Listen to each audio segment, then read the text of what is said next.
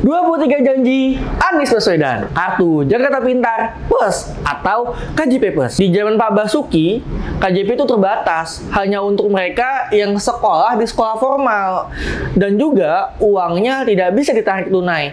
Dan khusus untuk membeli berbagai keperluan sekolah saja Seperti sepatu, buku, atau seragam. Tapi di zaman Pak Anies Baswedan manfaatnya diperluas. Bukan hanya saja untuk mereka yang sekolah di sekolah formal Tapi juga untuk mereka mereka yang sedang mengejar paket ABC. Dan juga uangnya bisa dicairkan untuk membeli berbagai macam keperluan yang menunjang kebutuhan sekolah. Pak Anies juga punya program namanya BPMS, Bantuan Pendidikan Masa Sekolah, untuk membantu siswa-siswi kurang mampu di Jakarta yang membutuhkan uang untuk bayar uang pangkal masuk sekolah swasta.